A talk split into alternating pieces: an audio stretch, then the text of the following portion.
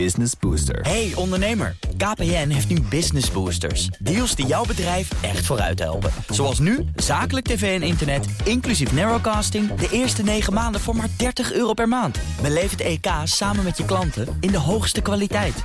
Kijk op kpn.com slash businessbooster. Business Booster. BNR Nieuwsradio. The Big Five. Diana Matroos. Welkom bij BNR's Big Five. Politiemensen, verplegers, vrijwilligers, huisartsen, hulpverleners staan deze week centraal bij ons. Voorheen kregen ze niet altijd de waardering die ze verdienden, maar intussen zien we, ons, zien we ze als onze helden. Zij houden Nederland draaiende. Maar hoe gaat het zoveel maanden later met de mensen die vooraan staan in de strijd tegen corona? Wat signaleren zij in de samenleving? Dat vragen we deze week aan hun voormannen en vrouwen in BNR's Big Five van de frontlinie. Vandaag is Stella Zalden. Zij is voorzitter van Nu91, de Belangenvereniging voor Verpleegkundigen en Verzorgenden, bij mij te gast. En ook voor haar mensen klapten we het afgelopen jaar massaal. Want de zorgmedewerker bleek echt onmisbaar. Van harte welkom, fijn dat je er bent. Even terug naar dat moment, dat klapmoment. Wat deed dat met jou persoonlijk? Nou, ongelooflijk belangrijk is dat, dat we gewoon zien dat al die verzorgende verpleegkundigen, alle mensen in die frontlinie, de waardering en aandacht krijgen die ze gewoon verdienen, maar die ze zelf nooit opvragen, want ze zullen altijd hun werk gewoon blijven doen, omdat ze zo bevlogen zijn, zo intrinsiek gemotiveerd zijn, dat zij wat ze willen doen is gewoon het werk goed doen voor hun patiënten, cliënten en bewoners.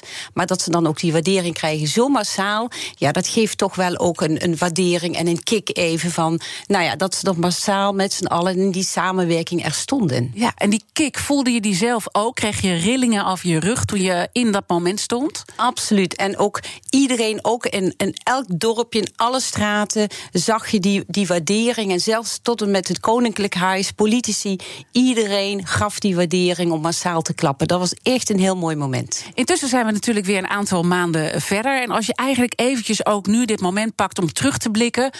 Wat voor jaar was het? Het was een heel zwaar jaar. Het was een heel zwaar omdat we natuurlijk allemaal overvallen werden met deze pandemie. Uh, maar voor hen was het extra zwaar omdat zij nu, niet wetende wat hun te wachten stonden, toch continu die zorg moesten leveren en blijven leveren. Nou, we hebben in het begin natuurlijk de problemen gehad met onvoldoende beschermende hulpmiddelen. Waardoor zij eigenlijk ook in een dilemma terechtkwamen van continu wel de zorg willen geven voor patiënt, cliënt of bewoner.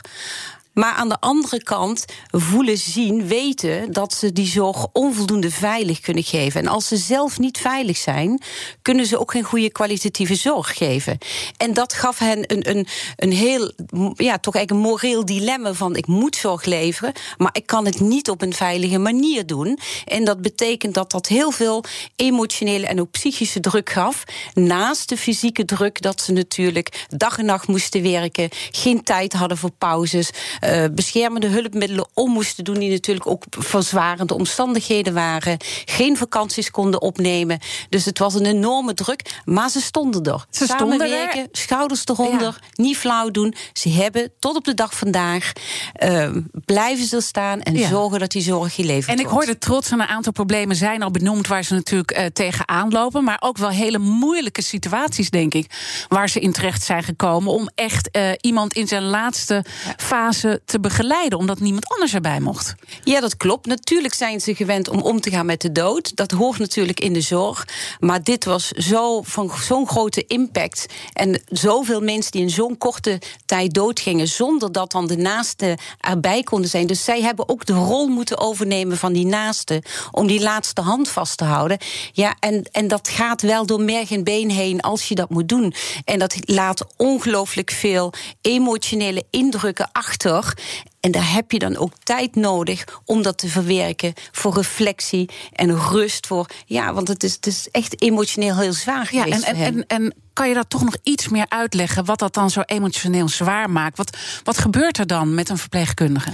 Ja, de verpleegkundige die ziet natuurlijk die angst in de ogen op het moment dat mensen corona hadden en ook gewoon bang waren, niet wetende wat er ging gebeuren en of ze nog überhaupt wel gezond konden worden. Maar ook angst in de ogen uh, in die laatste dagen, minuten, dat niemand van hun dierbaren erbij kan zijn om, om ja, toch dan die hand vast te houden en, en die patiënt dan te helpen te begeleiden ja, na zijn laatste, laatste ademtocht. En dat is wel heel ingrijpend. En dat ingrijpende, uh, daar moeten ze dus tijd hebben om uh, reflectie te hebben. Nou ja, die tijd is er natuurlijk uh, niet. Nee. nee. onderschatten we dit? Ja, ik denk dat we dat onderschatten. En zeker nu, we zitten nu inmiddels in de derde golf. Het werken is nog zwaarder geworden. De druk is nog meer toegenomen. Hij zit natuurlijk in de zware belasting. Dat komt ook vanwege het groot aantal personeelstekort dat al voor corona bekend was, maar nu toch wel pijnlijk duidelijk is geworden in de coronacrisis. En het komt ook door die psychische en emotionele belasting. Dat ook internationaal vraagt de ICN echt aandacht voor die mentale zware belasting uh, het aantal personeels uh, tekort wat er is en die druk gro zo groot is dat we er echt nu aandacht aan moeten geven om daarin uh, in te investeren. En, en dat stapelt natuurlijk allemaal, hè? Al, allerlei dingen die er al waren. Die lastendruk, die werkdruk was al hoog en dat is alleen maar uh, nou ja, groter geworden door ja. corona. En dan ook nog die emotionele druk van die moeilijke situaties waarin ze terechtkomen. Wat zouden we dan moeten doen als we dat pro probleem niet onderschatten en er echt op acteren? Nou, in ieder geval wat ook belangrijk erbij is, is dat in ieder geval agressie dan en intimidatie op zo'n moment totaal niet acceptabel is. En dat nooit acceptabel. Nooit toch? acceptabel, maar nu al helemaal niet. Dat ze dan ook nog daarmee geconfronteerd worden, dat is gewoon niet meer uit te leggen. En ik denk dat het belangrijk is dat we ze zien als topsporters. En topsporters moeten gefaciliteerd worden, zodat dat waar ze heel goed in zijn, dat is het leveren van zorg.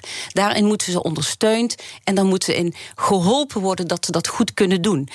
Zij moeten zich vooral richten op waar ze goed in zijn. Dat is het leveren van goede zorg. En laat hen daarover bepalen wat mm -hmm. dat dan betekent en wat daarvoor nodig is. En werkgevers, overheid moeten zorgen dat ze goede arbeidsvoorwaarden krijgen. Een goed passend salaris daarbij. Dat ze zich daar niet druk om hoeven te maken. En dat ze zich helemaal kunnen focussen op die goede zorg. Zeker als ze weten dat er volgend jaar al 80.000 verzonen verpleegkundigen tekort zijn. Dat is immens veel. Ze hebben goede collega's nodig. Die werkdruk -hmm. moet omlaag. Als dat niet meteen lukt, dan zorgt dat in ieder geval de zaken waar we wel iets aan kunnen doen fatsoenlijk zijn en goed geregeld zijn.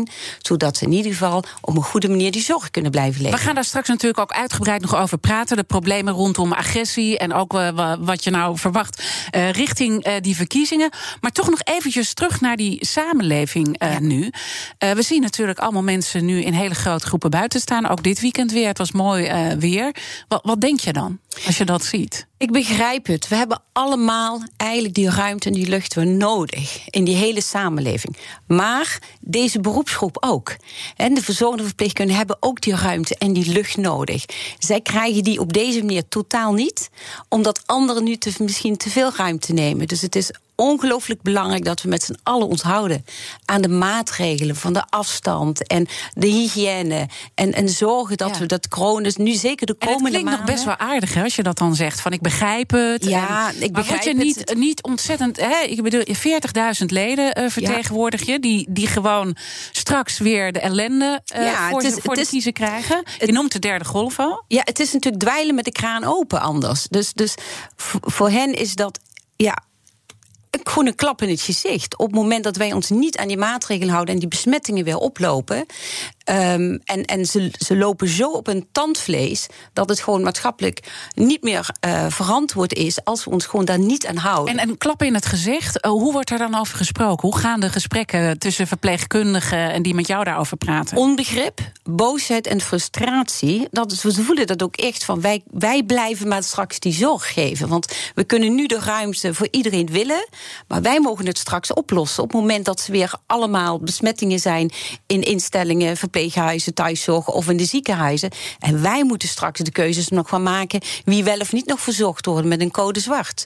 Dus dat is een. Voor die opgave wil je niet staan als zorgprofessional. Nee, want dat is natuurlijk weer een emotionele druk die erbij komt. Absoluut. Enerzijds zijn ze het natuurlijk gewend om dit te doen uh, in het vak. Maar uh, ja, je wilt niet helemaal uh, extreem uh, maken. Zoveel mogelijk nou ja, zorgen dat dat niet die situatie terechtkomt. Want, want waar ben je bang voor? Wat er gaat gebeuren met al die mensen? Even, even hè, want je schetste ze zijn al zo overbelast, zowel uh, fysiek als mentaal. Ja. Ze hebben geen reflectiemoment gehad. Ja. Die derde golf, waar ben je bang voor? Verder uitstroom van zorgprofessionals in de sector. We weten natuurlijk al voor de coronacrisis dat 43% binnen twee jaar tijd de zorg verlaat. Dat zijn vaak mensen die heel bevlogen zijn en goede zorg willen leveren, maar gefrustreerd raken of het werk gewoon te zwaar vinden. Uh, en we hebben met z'n allen een maatschappelijke opdracht om te zorgen dat die sector gezond blijft. Zonder deze zorgmensen zijn we nergens. We kunnen de gezondheidszorg niet in stand houden als deze verzorgende en verpleegkundige beroepen er niet meer zijn of onvoldoende zijn. Dat hebben we de afgelopen maanden natuurlijk gezien, waardoor er afdelingen in ziekenhuizen gesloten moesten worden en afgeschaald moesten worden. Het gaat niet om het materieel, het gaat niet om het aantal IC-bedden, het gaat om de verpleegkundigen die het werk moeten doen. En dat is zo cruciaal en daar hebben we met z'n allen een maatschappelijke opdracht in om te zorgen dat ze behouden blijven mm -hmm. voor de zorg, dat ze goede kwalitatieve zorg kunnen geven. En dat ze werkplezier houden en op een goede manier hun pensioen kunnen halen. En dus geen versoepelingen? Nu geen versoepelingen als dat niet kan, als dat weer leidt tot extra besmettingen. En misschien hebben we toch het eind in zicht met de vaccinaties. The Big Five. Diana Matroos. Deze week praat ik met vijf kopstukken uit de frontlinie. De hulpverleners die voorop gaan in onze strijd tegen corona. Later deze week spreek ik onder andere nog met Ella Kalsbeek. Zij is de voorzitter van de Landelijke Huisartsenvereniging. En met Frank Pauw, hij is de politiechef van Amsterdam. Mijn gast vandaag is Stella Zalden. Zij is voorzitter en bestuurder van Nu91, de beroepsorganisatie voor zorgprofessionals. En je sprak net al eventjes, het is topsport en zo moeten we ook die verpleegkundigen zien. Daar heb jij zelf ook uh, een, uh, een, een, carrière in gehad als topsporter. Ja, dat klopt. En ik weet, uh, dan moet je je focussen op dingen waar je heel sterk en goed in bent. En de rest wil je eigenlijk niet mee bezig zijn. Dat zijn randvoorwaardelijke zaken. Die moeten gewoon goed geregeld zijn, zodat jij die topsport die je moet leveren, zo goed mogelijk kunt leveren. Ja, handbalster, hè? Handbalster. Je, ja. ja. En, en heeft dit voor jou gewerkt als handbalster in deze moeilijke tijd om toch nog een uitlaatklep te vinden? Terwijl sporten intussen natuurlijk ook heel moeilijk is. Ja, nou, ik kom in inderdaad niet gaan handballen. Maar sport is wel voor mij een uitlaatklep om even alles los te laten. Maar tegelijkertijd uh, denk ik ook, uh, heb ik mijn doorzettingsvermogen om niet los te laten. In ieder geval deze beroepsgroep niet los te laten. En door te blijven gaan om telkens weer de spreekbuis voor hen te zijn. En signalen te adresseren waar ze geadresseerd moeten worden. Jouw persoonlijke missie is ook eigenlijk al heel wat jaren geleden begonnen. Eigenlijk ja. door een hele moeilijke situatie waar je zelf in terecht kwam. Jouw man had ALS, is uiteindelijk overleden in 2000. 2014. En toen heb je heel veel in ziekenhuizen rondgelopen. En toen voelde je, ik moet hier iets doen. Want wat gebeurde er toen in dat moment? Ja, ik, eh, ik had zoveel bewondering voor verzorgde verpleegkundigen en mensen in de zorg. die er gewoon willen zijn voor de patiënt, maar ook voor het gezin. We hebben ook heel veel zorgprofessionals thuis gehad. En samen met hen hebben wij tot de laatste dag goede zorg kunnen geven. En daar ben ik tot op de dag van vandaag heel ontzettend dankbaar voor. Maar ik heb ook gezien wat het betekent als je patiënt bent in een systeem van Nederland waar je van de kastje naar de menu, muur wordt gestuurd met zoveel regelgevingen en een wirwar van, van richtlijnen en systemen en financieringsvormen dat je dat bijna ja, toch met de kostbare tijd die je hebt, daar veel te veel energie in kwijt bent. En ik heb gezien dat uh, verzorgenden en verpleegkundigen er eigenlijk alles aan gedaan hebben om het toch in die laatste tijd zo goed mogelijk voor je te regelen. Zelfs als dat betekende dat ze dat in hun eigen vrije tijd terugkwamen om die zorg te leveren. En op het moment dat ze dan binnenkomen, vind ik toch echt frustrerend dat het grootste deel van de tijd bezig zijn met afvinklijsten en met een iPad om alles in te vullen en eigenlijk geen tijd hebben voor de patiënt. Dat vind ik wel zorgelijk. En dat is eigenlijk nog steeds zo, hè? want je bent, dat is de reden, jouw drive om dit eh, werk op te pakken. Hè? En dat doe je nu hoeveel jaar? Ik doe dat nu twee jaar. Twee jaar.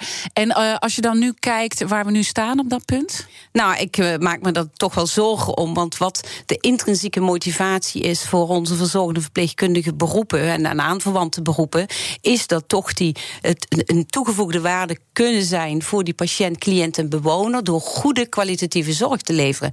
En als je dan geen tijd hebt om die zorg te leveren, en sterker nog, als je ook geen zeggenschap hebt om daar iets aan te kunnen toevoegen, is dat heel frustrerend en kan ik begrijpen dat het werkplezier afneemt en dat men de sector helaas verlaat. En is dat nu in die coronatijd uh, anders geworden? Omdat uh, nou ja, er veel minder regels waren, want er moest gewoon snel gehandeld worden. En maakt dat het werk dus ook dan uh, ja, makkelijker ook weer aan de andere kant om te doen? Ja, je ziet natuurlijk, er was een adrenaline-kick. Hè, want er was natuurlijk crisis en ze moesten er staan en ze stonden er. We hebben ook heel veel gezien dat er enorm veel werd samengewerkt. En dat dat ook een heel groot saamhorigheidsgevoel geeft. En die bureaucratische regelingen weg waren. Dat is natuurlijk heel fijn, want eigenlijk hoort dat ook niet bij goede zorg leveren. Tegelijkertijd zien we ook in die coronatijd dat uh, de zorg ook vooral ingericht werd voor het beheersen van een crisis. Dat is nog iets anders dan het leveren van kwalitatieve goede zorg. En uh, ik denk dat de aandacht nu dadelijk als die crisis voorbij is, wel veel meer gericht moet worden op echt die kwaliteit van de zorg. Want het beheersen van die crisis is vaak ook toch uh, ja, een beheersmatig aspect. En dat is iets anders dan het kwalitatieve aspect van de aandacht en de tijd voor de patiënt. Ja, en dan moet je dus toch die, die lastendruk, die administratieve lastendruk, moet omlaag om die kwaliteit uh, te Absoluut. kunnen leveren. Ja, wij zien in situaties dat er gewoon uh, 30, 40 procent van de tijd besteed moet worden aan afvinklijsten, protocollen, wet en regelgevingen, opgelegd door overheid, door werkgevers, door financiers. Nou, als je die tijd nu alles zou investeren in gewoon kwaliteit van zorg, dan hadden we al een heel stuk van de werkdruk naar beneden gehaald. Ja, en, en, en heb je nou het idee, als je ook naar de politieke partijen. En we hebben weer een debat uh, gezien, natuurlijk gisteravond. Dat het er echt is doorgedrongen. Nou, we hebben acht moties nodig gehad voor betere structurele salarissen. En dat is uiteindelijk met een meerderheid van de Tweede Kamer na de achtste motie uh, is dat er doorheen gekomen. Ja, maar per ongeluk nog, per door ongeluk, een foutje van de Eerst een foutje, maar op het laatste is het dan goedgekeurd. Maar dan nog is er geen toezegging daar nog, is er geen boter bij de vis. Ja, het blijft toch veel bij een lippendienst, vind ik. Um, en daar moet toch echt nu wel een andere vorm van waardering en erkenning gaan komen. Die ik wel in de verkiezing, het aantal verkiezingsprogramma terugzie dat de zorg meer aandacht krijgt dat er weer geïnvesteerd moet worden in de zorg. Maar het feit dat je zo'n traject nodig hebt in tijden van de crisis, ja, dan voel je je toch niet echt serieus genomen als je in die frontlinie staat en dag en nacht dit werk moet. Uh, verrichten. Je voelt je niet serieus genomen en eigenlijk nog steeds niet? Nog steeds niet, want uh, we zitten op dit moment ook in de CAO-onderhandelingen. Nou, daar wordt gewoon gezegd, er is gewoon 0% structurele loonverhoging. Ja, dat, dat kun je niet meer uitleggen. Ik kan hier niet mee terug naar mijn achterban, die zo hard gewerkt heeft en nog steeds zo hard werkt, om dan te zeggen, je krijgt nog niet eens een normale uh, indexering. Dus dat er, er is gewoon helemaal niks voor jou volgend jaar, terwijl je tegelijkertijd ziet dat miljarden naar alle sectoren nu uh, geïnvesteerd wordt. En dat de op de knip komt bij de uh, structurele investeringen in de zorg. En dan zie je dat toch, ja, ik vind het niet charmant om te zeggen, maar dat het verzorgende verpleegkundig personeel als, als werkbijen worden behandeld, als kostenpost worden gezien. En als dat niet snel omdraait, ja, dat we toch die slag in die arbeidsmarkt, die zo groot is op dit moment, gaan verliezen. Want je noemde natuurlijk al de personeelstekorten die er aan zitten te komen. Het immense uh, ziekteverzuim, uh, wat we nu al zien. Tegelijkertijd, als je even naar die uh, salarissen kijkt. Um, de agenten, die natuurlijk ook heel belangrijk zijn in die hele coronastrijd. Zeker. Die verdienen minder nog dan verpleegkundigen. Ja. Maar ik denk dat dit geldt voor heel veel publieke sectoren. We hebben in de afgelopen jaren hebben wij die, die vitale beroepen verwaarloosd. En in die coronacrisis is is onweerlegbaar duidelijk geworden hoe vitaal de beroepen als uh, politieagenten, als verzorgende verpleegkundigen zijn. Dat is gewoon nu heel duidelijk. En betekent ook dat er politieke keuzes gemaakt moeten worden om deze beroepen weer meer aantrekkelijk te maken. En daar hoort gewoon een passend salaris bij. En dan zie je eigenlijk aan het, uh, nou ja, nu demissionaire kabinet dat ze het vooruitschuiven. Ja. Hè? Ik bedoel, die motie die is er dan wel, nou ja, echt met, met, met struikelen doorheen gekomen. Met een foutje van de ChristenUnie, die, die per ongeluk uh, het verkeerde antwoord uh, hadden gegeven. Maar goed, het wordt vooruitgeschoven. Er gebeurt dus eigenlijk niks. En dan wordt er ook gezegd, ja, de afgelopen tien jaar hebben verpleegkundigen al best veel geld erbij gekregen. Gemiddeld 21 procent. Het bedrijfsleven ging er qua salaris 17 procent op vooruit. Nou goed, we weten in ieder geval, wij vergelijken natuurlijk de uh, salarissen met andere sectoren in de zorg. En we weten dat uh, met, de zorg. En we weten dat er achterstallig onderhoud is. Ik kan alleen kijken naar de feitelijke situatie die er nu is. En of dat voldoende is om een economisch zelfstandig bestaan op te bouwen. Mm -hmm. Niet voor niks heeft de Raad, het is een advies geweest van de Raad van Volksgezondheid en Samenleving, die gezegd heeft dat verzorgende beroepen onvoldoende verdienen die startsalaris om economisch zelfstandig bestaan op te bouwen. Ze hebben huur- en zorgtoeslagen nodig om te kunnen leven. Nou, ze moeten ook een hypotheek betalen met dit zware werk. Mm -hmm. Dus daarmee zeggen we ook gewoon: het is onvoldoende. En als je het ook vergelijkt met andere sectoren, dan verdienen ze echt, echt heel weinig. En hoe moet ik dan de opmerking van uh, Anneke Westerlaken duiden? Zij is voorzitter van vakbond CNV Zorg en Welzijn.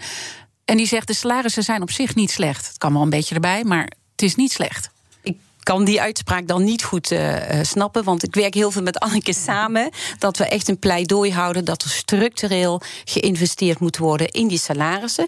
Maar we moeten ook niet vergeten dat we praten over een groep van 1,4 miljoen zorgmedewerkers. En daarmee wordt het ook een enorme kostenpost. En binnen die groep moeten we gedifferentieerd kijken naar salarissen. Het salarissen bijvoorbeeld voor de mensen voor de frontlinie kan misschien prima zijn. Ik kijk heel sterk naar de beroepen verzorgende en en daarvan is gewoon vastgesteld: de startsalarissen zijn te laag, de loopbaanperspectieven zijn te gering. En ook de, de doorgroei in salaris bij verpleegkundigen zijn te laag voor de zwaarte en de risico's. En de, de verantwoordelijkheden die passen bij dit beroep. En omdat we praten over een hele grote groep van ICT-mensen, faciliteren mensen, schoonmaakmensen tot en met de specialisten dan zit daar heel veel, uh, ja, er zit er heel veel verschil in. Dus mijn oproep is ook om te kijken daar waar het echt knelt voor de beroepen verzorgende verpleegkundigen, apart kijken welke salaris daar passend voor zouden zijn en het veel gedifferentieerder kijken dan over de hele grote groep. Mijn gast in BNR's Big Five van de frontlinie is Stella Zalden. Ze is voorzitter van Nu 91. Zoals gezegd, de Belangenvereniging voor Verpleegkundigen en Verzorgenden. En natuurlijk, als het gaat om die waardering, gaat het niet alleen om het salaris, maar ook om heel veel andere zaken. De administratieve lasten hebben we ook al benoemd. Maar wat uh, over die agressie, daarover gaan we straks verder praten. Want het is ongelooflijk. Ook voor corona was dat al. En nu wordt het eigenlijk alleen nog maar erger. Tot.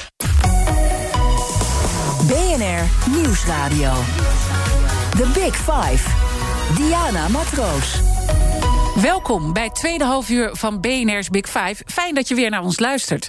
Deze week spreek ik vijf kopstukken uit de frontlinie. De hulpverleners die voorop gaan in onze strijd tegen corona. Later deze week spreek ik bijvoorbeeld met Marieke van Schaik. Zij is voorzitter van het Rode Kruis. En met Frank Pauw, de politiechef in Amsterdam. Mijn gast vandaag is Stella Zolden. Zij is voorzitter en bestuurder bij Nu91, de Belangenvereniging voor Zorgprofessionals. We hebben al uitgebreid gesproken. Nou ja, wat wat, wat die emotionele druk uh, is, uh, wat de fysieke werkdruk is uh, voor al die mensen, die 40.000 leden die jij vertegenwoordigt. In september melden jullie dat zorgmedewerkers te maken kregen met corona-agressie, omdat het draagvlak voor de maatregelen minder werd. Is dat nu nog meer toegenomen, nu dat draagvlak voor maatregelen nog verder onderuit gaat?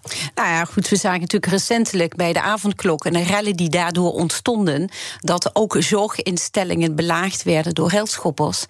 Dus, dus die agressie en intimidatie die is niet nieuw. Die was er ook al voor de coronatijd, maar die is wel heel pijnlijk zichtbaar geworden tijdens de coronatijd. Met het minder draagvlak bij het naleven van de maatregelen. Ja. Noem eens wat voorbeelden waar verpleegkundigen mee te maken krijgen. Nou, wat een het begin al zei, schoppen, slaan, intimiderend gedrag, zelfs soms dreigementen.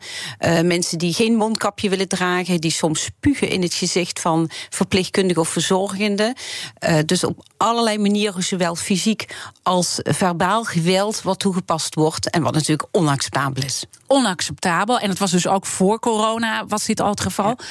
Wat is dat toch? Dat dat in ons zit, in deze samenleving, om dit te doen? Ja, ik denk dat het ook een vorm van frustratie is. Frustratie die niet misschien heel bewust geuit wordt tegen die zorgprofessional, die er natuurlijk niks aan kan doen. En die er alleen dag en nacht staat om die zorg voor de ander en voor hun dierbaren uh, te geven. Maar soms ook frustratie in de maatschappij, uh, of boosheid of irritatie. Ja, en helaas wordt dat dan uh, ja, uitgeoefend op, in dit geval, waar ze mee te maken maken hebben die dan zeggen: je moet je houden aan die maatregelen, bijvoorbeeld in instellingen of in, in uh, verpleeghuizen ter bescherming van de patiënten en cliënten waar ze het dan niet mee eens zijn en richten ze daar hun agressie op. Bijvoorbeeld dus als ze dus worden aangesproken in het ja. ziekenhuis om aan maatregelen te houden. Ja. Jullie hebben ook een enquête gedaan. 58% van de bezoekers die op het niet naleven worden aangesproken re reageert geïrriteerd. En 29% luistert gewoon helemaal niet. Ja, dat klopt. En uh, wil dat ook niet, uh, wil daar ook niet toe overgaan.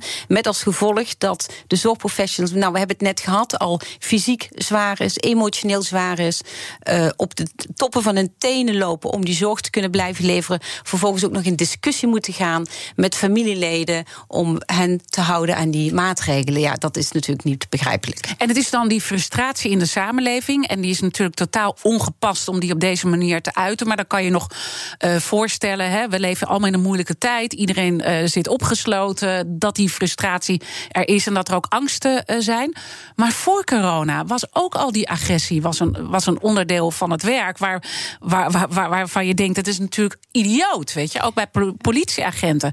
Wat is dat in Nederland dat we dat zo uiten? Ja, ik denk dat dat toch ook te maken heeft met de verdraagzaamheid van de maatschappij. Uh, überhaupt, ik vind agressie op geen enkele situatie is acceptabel. Maar ook agressie is toch een, een fenomeen wat gewoon in de maatschappij uh, aanwezig is.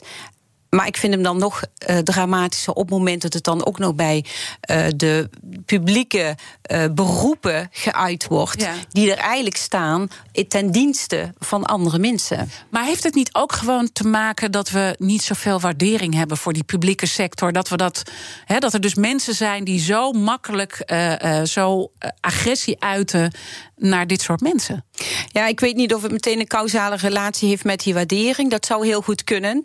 Um, staat toch los dat we ook heel veel mensen in de maatschappij wel deze vitale beroepen waarderen op het moment dat ze ze nodig hebben.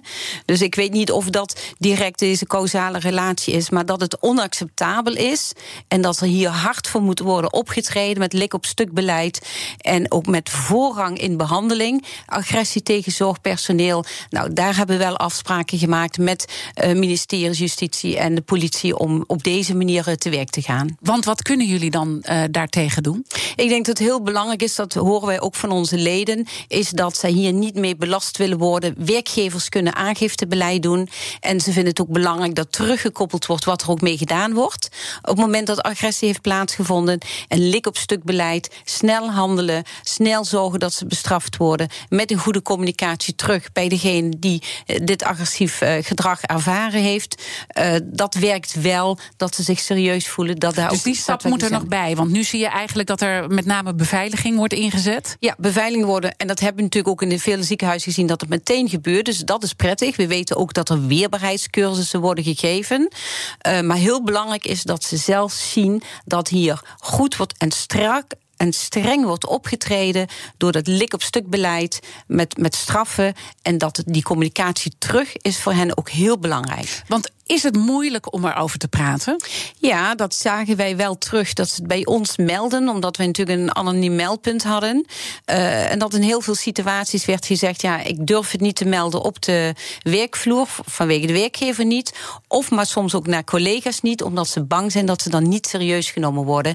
En dat is natuurlijk een ander probleem. Dat is een cultuurprobleem en een veilig werkklimaat. Dus dat vraagt weer andere maatregelen dan alleen het bestraffen van degene die agressief gedrag gedrag vertoont. En dat durven melden, dat hebben wij trouwens op meer fronten zijn we dat tegengekomen. Ook bijvoorbeeld bij uh, het veilig werken, dat we heel veel meldingen kregen dat ze zich niet veilig voelden, maar onvoldoende durfden te zeggen op hun werkplek. En wat is dan die cultuur dat ze dat niet durven te zeggen? Want je denkt, dit, hè, als er uh, agressie plaatsvindt, natuurlijk uh, moet je dat zeggen. Ik bedoel, als ik daar nu hiermee te maken, natuurlijk ga ik het zeggen. Wat is die angst?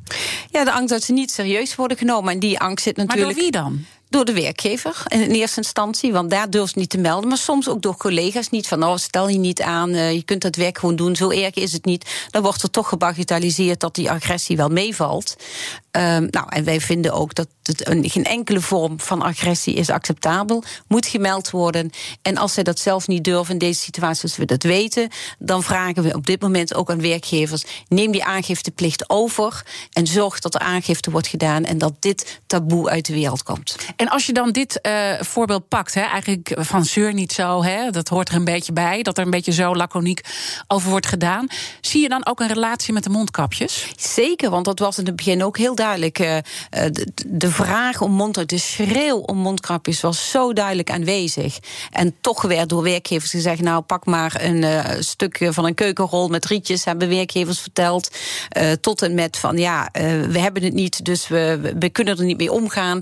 En er waren ook collega's die dat in eerste instantie niet zo belangrijk vonden. En gelukkig hebben daar wel de ontwikkeling doorgemaakt dat er nu voldoende en deugdelijke beschermingsmiddelen zijn. Want dat is natuurlijk het eerste wat ze nodig hebben om veilig te kunnen Ja, maar dat die discussie dus zo lang uh, voortduurt die duurt nu zelfs nog voort. En dat is echt wel onbegrijpelijk. Uh, we hebben het nu nog over die mondkapjes, die natuurlijk een hele ontwikkeling heeft gehad. Van eerst geen mondkapjes, terwijl wij het aantal besmettingen drastisch zagen stijgingen onder het zorgpersoneel. En zelfs zorgpersoneel wat overleden is door onvoldoende beschermende hulpmiddelen. Uh, op dit moment heeft iedereen wel deze mondkapjes. En zien we ook dat er voldoende op voorraad zijn. En is er zelfs een compensatieregeling voor werkgevers om ze ter beschikking te stellen. Maar? Maar we vragen eigenlijk nu, maak het nu als een, als een, een norm dat op het moment dat je COVID-19-patiënten moet verzorgen of verdachte COVID-19-patiënten, dat je mag beschikken over een FFP2. Dat zijn dan de betere mondmaskers die minder doorlaten en jezelf en de ander ook beter beschermen. Dat daar eigenlijk dan eerst nog om moeten vragen. Nou, dat vinden wij niet uh, dat je beroepsgroepen waardig is die je serieus neemt. Die moeten er gewoon zijn en zij moeten er gewoon ten alle tijden over beschikken zonder dat je in discussie moet gaan met je werkgever. En wat is dat dan toch weer? Want ik, ik, ben hem, eh, ik puzzel echt van waar komt dit dan vandaan? Dat je daar dus discussie überhaupt over hebt. Wetenschappelijk onderzoek zegt dan dat dat niet nodig zou zijn. En er wordt dan onvoldoende gekeken naar de praktijk van verzorgende verpleegkundigen, geluisterd naar hen. En dan gewoon zeggen: als jullie dat nodig hebben, dan zorgen we dat dat er is. Dan blijven we toch hangen, verschuilen achter wetenschappelijk onderzoek. Misschien wel heel mooi om daar de kettingvraag eh, bij te gebruiken, want die heeft daar alles uh, mee te maken. Onze gasten stellen elkaar uh, vragen via de kettingvraag. En in de vorige aflevering was Evelien Kronen bij ons te gast. Zij is hoogleraar neurocognitieve ontwikkelingspsychologie, gespecialiseerd in het puberbrein. En ze sprak met mijn collega Art Royakkers vorige week in BNR's Big Five van de coronageneratie. En ze had deze vraag voor jou, Evelien. Vanuit de wetenschap proberen wij zo goed mogelijk te beschouwen en te duiden. Uh, maar wij willen ook heel graag van waarde zijn voor mensen in de praktijk. Uh, en wat heeft zij nou nodig van ons als wetenschappers aan kennis, input, uh, waarbij wij eigenlijk kunnen helpen om uh, ja, meer te bereiken en ook impact te hebben met ons onderzoek? Ja, nou, dat is een hele mooie vraag. Want daar gaat het natuurlijk net ook over. Dat het heel belangrijk is om die wetenschappelijke inzichten. Want er zijn natuurlijk meerdere wetenschappelijke inzichten. Ook naast de praktische ervaring en wijsheid. In dit geval ook van verzorgende en verpleegkundige beroepen. Daarnaast te leggen en dan te kijken wat de ideale situatie is. Hoe we het kunnen oplossen samen. En ik zie te veel als een aparte eilanden. Of dat de wetenschap als een dogma wordt gebruikt. In plaats van als een hulpmiddel om te kijken in de praktijk wat nodig is, maar daar ook um, dat er mogelijkheid voor flexibiliteit is en aanpassing is op het moment dat de praktische wijsheid aangeeft dat het onvoldoende is. Zag je dat ook bij het Outbreak Management Team, of nog steeds eigenlijk? Ja, dat, dat zie ik daar zeker. Want uh, de verpleegkundige en de verzorgende uh, wijsheid van de praktische zorg wordt onvoldoende meegenomen om te kijken wat wel of niet nodig is. Nou, het voorbeeld is natuurlijk die mondkapjes geweest. En in Duitsland zien we dan wel dat een Robert Koch Instituut die zegt dan: kijk niet alleen naar wetenschappelijk bewijs, maar kijk ook naar de ARBO-wetgeving en wat de mensen in de praktijk nodig hebben. En zij zijn daar dan ook heel duidelijk in om aan te geven: dan is de norm een FFP2 masker. Wel, Iwan. BNR Nieuwsradio. The Big Five. Diana Matroos. Je luistert naar BNR's Big Five van de frontlinie. Mijn gast vandaag is Stella Zalden. Zij is voorzitter en bestuurder bij Nu91, de Belangenvereniging voor Zorgprofessionals. En 40.000 leden telt deze organisatie. We begonnen uh, het begin van de uitzending met al dat klappen, massaal voor dat he, zorgpersoneel. We zien ze als de helden. Uh, is dat genoeg dat we ze zien als helden? Want je noemt ze ook wel eens de vergeten helden. Ja, dat klopt. En uh, ze waren natuurlijk de vergeten helden voor de coronacrisis. Tijdens de coronacrisis werden ze in de spotlight gezet voor een ongelooflijke geweldige prestatie. Uh, die ze geleverd hebben om maar ten alle tijde die zorg goed te blijven leveren. En we moeten er nu voor waken dat het weer vergeten zorghelden worden. En zorgen dat zij die aandacht die zij verdienen, dat die ook uh, blijft. Ja, want dat klappen is leuk. Maar uiteindelijk ja. wil je natuurlijk de waardering op al die andere punten. Ja, van het klappen betaal je niet je hypotheek.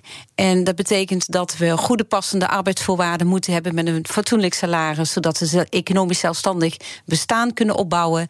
En ook belangrijk is dat er aandacht komt en dat ze betekenisvolle zeggenschap krijgen over hun werk en bij de inrichting van hun werk. Ja, want dan hebben we het ook over die administratieve last, hè, de lastendruk die ook uh, het werk gewoon ook niet uh, fijn maakt, omdat je dan geen uh, kwaliteit kan leveren. Als je dan kijkt naar de verkiezingsprogramma's, want die heb je natuurlijk doorgenomen. Ja, zeker. Word je dan een beetje hoopvol? Ja, ik zie wel in heel veel verkiezingsprogramma's aandacht voor investeren in de zorg en kwaliteit van zorg en ook beschikbaarheid van zorg en ook richting personeel, want het is natuurlijk een enorm groot probleem. Het, het, behoud van zorgprofessionals voor de zorg. Terwijl de druk alleen maar toe zal nemen uh, met de vergrijzing en uh, ook de complexiteit van de zorg. Ook aandacht voor opleiding en verscholing. Dus dat zie ik bij heel veel programma's wel terugkomen. Ook de marktwerking staat bij heel veel uh, verkiezingspolitieke partijen ter discussie. Dan wel in ieder geval dat er onderdelen dan niet van, van goed werken. Dus we zien wel dat die zorg aandacht krijgt um, om opnieuw naar te kijken: hebben we het goede systeem en zijn we op de goede manier bezig met die zorg? En dat heeft coronacrisis natuurlijk wel blootgelegd. Maar uh, wordt er voldoende doorgepakt dan? Dat is ook mijn zorg, want nou, ik heb natuurlijk al eerder in dit programma aangegeven... als we dan de, de CEO en andere handelingen aangaan... of als we kijken naar een motie voor beter salaris... voor die publieke sectoren, dan gaat de hand op de knip. En dan is ook de vraag van, ja, gaan we echt doorpakken... met een nieuw kabinet, dat we ook structureel... die grote arbeidsmarktvraagstukken kunnen oplossen. Ja, is er één partij die eruit springt? Nou, met name de partijen aan de linkerkant zien we wel meer aandacht hebben mm -hmm. voor uh, de zorg en investeringen in het beter werken van de zorg, uh, de verantwoordelijkheden terugleggen waar ze horen. Dat is bij de zorgprofessionals. Ja, Oké, okay, maar het is allemaal maar een beetje afwachten. Hè? En als we kijken naar de VVD, die komt, hè, de, wat, wat ja. natuurlijk nu de grootste partij is, die komen nog niet echt met een bericht dat de salarissen nee, omhoog gaan natuurlijk. Nee, zeker uh, niet. Uh, en, en tegelijkertijd zie je dat ook veel uh, verpleegkundigen de zorg verlaten. Ja, we weet, wisten al voor de coronatijd dat het 43% is die binnen twee jaar de zorg verlaat. We hebben ook tijdens de coronacrisis vaker peilingen gedaan en er lag er een 40% dat mensen mogelijk de zorg gaan verlaten. We zien het aan het aantal ZZP'ers wat jaarlijks groeit in de zorg, omdat ze aangeven van ik wil een beter salaris en ik wil zelfzeggenschap hebben over mijn werktijden en rooster. Dus dat zijn wel situaties die echt moeten uh, zorgen voor een, een voldoende besef om op te lossen de komende jaren. Omdat die problemen in de zorg een maatschappelijk probleem is. Het is niet het probleem alleen van de sector van de werkgevers en de werknemers, maar het is een gezamenlijk probleem van de overheid, werkgevers, werknemersorganisaties, maar ook de zorgverzekeraars en ook alle toezichthouders. Mm -hmm. We zullen samen met een oplossing moeten komen. Want wat, waar, waar vrees jij voor als we hier niet voldoende stappen in zetten en dat toch nog blijven onderschatten? Dat de uitstroom nog groter wordt. En dat uh, we gewoon de zorg niet meer kunnen blijven leveren. Zoals we dat nu al gemerkt hebben in de coronacrisis. Omdat de zorg alleen maar nogmaals zal toenemen in aantal en in complexiteit. Gelukkig, als we nu naar de corona kijken, gaat de vaccinering natuurlijk wel iets doen. Hè? Het gaat, gaat, ook een beetje lucht geven. Zeker, en dat gaat lucht geven. En zeker op het moment dat alle zorgprofessionals ingeënt zijn en ook alle kwetsbaren. Maar laten we alsjeblieft er nu ook zorgen dat andere groepen die niet bij deze categorieën, primaire categorie horen, ook niet in aanmerking gaan komen voor vaccinatie op dit moment. En dat is wel gebeurd natuurlijk. En dat is gebeurd. En er zijn zelfs werkgevers die massaal iedereen hebben laten inenten. Dat was niet de bedoeling. En ik roep ook iedereen op en alle werkgevers op van alsjeblieft alleen de kwetsbare groepen en zorgprofessionals als eerste laten vaccineren. Morgen dan heb ik uh, weer een nieuwe gast in BNR's Big Five van de frontlinie. En uh, natuurlijk gaat die kettingvraag uh, gaat ook weer door naar morgen. Mijn gast is dan Rolinde de Wilde. Zij is directeur van de kindertelefoon. Wat zou je haar willen vragen?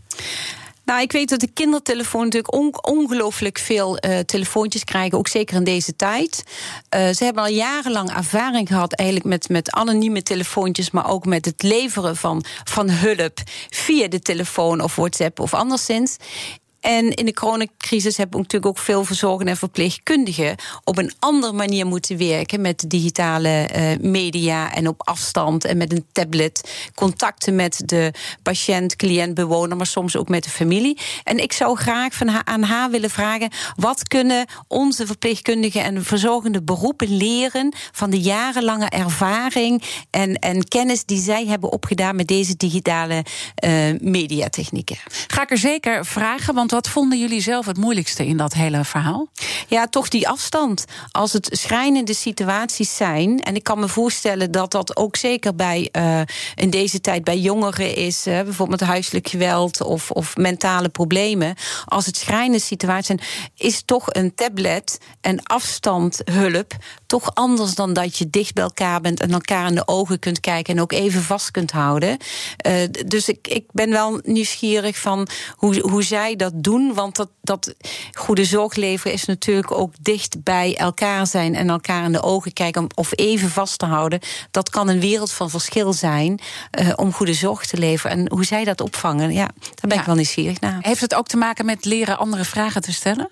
Leren andere vragen stellen, zeker. En ook leren eigenlijk uh, vrij snel toch dat contact te krijgen, vinden op een andere manier dan dat je elkaar in de ogen kunt kijken. Ja. ja. En als we dan kijken naar uh, überhaupt de situatie in de ziekenhuizen, was dat contact maken denk ik ook heel erg lastig. Zeker als je in allerlei soort van ruimtepakken uh, mensen moet bijstaan. Zeker, je hebt natuurlijk de, de ruimtepakken, dus het contact was daar een stuk lastiger. Maar als het vervolgens dan ook uh, contact met de familie is via een tablet of via een. dat, dat is toch anders dan dat je daar zit. En, en wat vraagt het dan? En, en hoe kan ik dat dan ook zo goed mogelijk doen dat ik na het eind van zo'n gesprek van allebei de kanten een goed gevoel overhouden dat we toegevoegde waarde hebben. Wat is jouw wapenfeit over een jaar? Nou, dat er in ieder geval weer lucht en ruimte is. Dat wij uh, in ieder geval met z'n allen, want we hebben het komend jaar sluiten we diverse cao's nog af. Dat in ieder geval uh, het, het, het, geaccepteerd is en normaal is dat deze belangrijke beroepen een goed salaris krijgen in de toekomst. Hoeveel moet erbij? Dan moet in ieder geval structureel 2,25 miljard bij. We gaan kijken of dat uh, gaat lukken. Uh, want we krijgen natuurlijk een nieuw kabinet. En wie weet wat daar allemaal uit gaat komen. Ik wil je heel erg uh, bedanken voor je komst. Dat je hier wilde zijn. Stella Salden, zij is voorzitter en bestuurder bij Nu91. De Belangenvereniging voor Verpleegkundigen en Verzorgenden. En natuurlijk zijn alle afleveringen van BNR's Big Five, zoals altijd, terug te luisteren. Je vindt de podcast in de BNR-app en natuurlijk op bnr.nl. Maar blijf vooral de hele dag live. Straks Iwan Verrips met het programma BNR En intussen wens ik iedereen ook natuurlijk een hele mooie dag. Hardlopen, dat is goed voor je. En Nationale Nederlanden helpt je daar graag bij. Bijvoorbeeld met onze digitale NN Running Coach... die antwoord geeft op al je hardloopvragen. Dus, kom ook in beweging. Onze support heb je. Kijk op nn.nl slash hardlopen.